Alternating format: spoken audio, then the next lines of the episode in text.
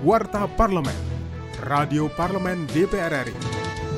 Dari Gedung DPR Senayan, Jakarta.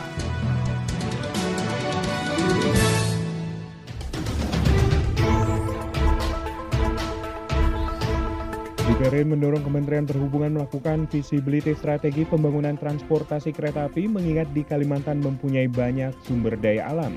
Hal ini disampaikan oleh anggota Komisi 5 DPR RI Rifki Nizami Karsayuda usai rapat dengar pendapat dengan Dirjen Kementerian Perhubungan di Komplek DPR Senayan, Jakarta. Ia mengatakan infrastruktur transportasi kereta api saat ini belum tersedia, padahal Kalimantan mempunyai logistik sumber daya alam yang sangat banyak untuk diangkut dengan kereta api, seperti halnya di Sumatera.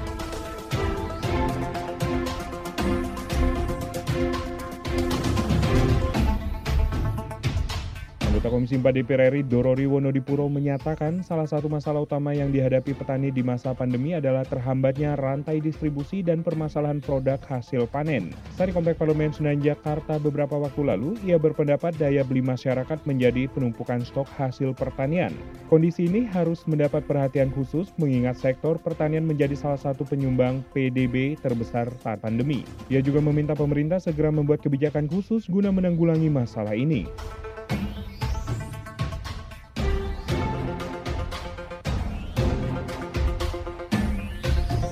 Wakil Ketua DPR RI Sumi Dasko Ahmad yang ditemui di gedung DPR RI Senayan Jakarta mengatakan untuk periode saat ini rancangan undang-undang larangan minuman beralkohol atau MINOL masih dalam tahap pemberian penjelasan dari pengusul kepada Badan Legislasi atau Balik DPR RI dan akan melihat seperti apa kelanjutannya.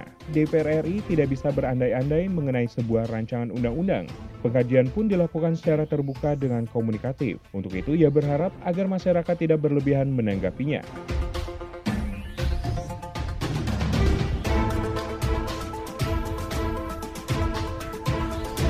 Demikian Warta Parlemen, Produksi TV dan Radio Parlemen, Biro Pemberitaan Parlemen Sekretariat Jenderal DPR RI.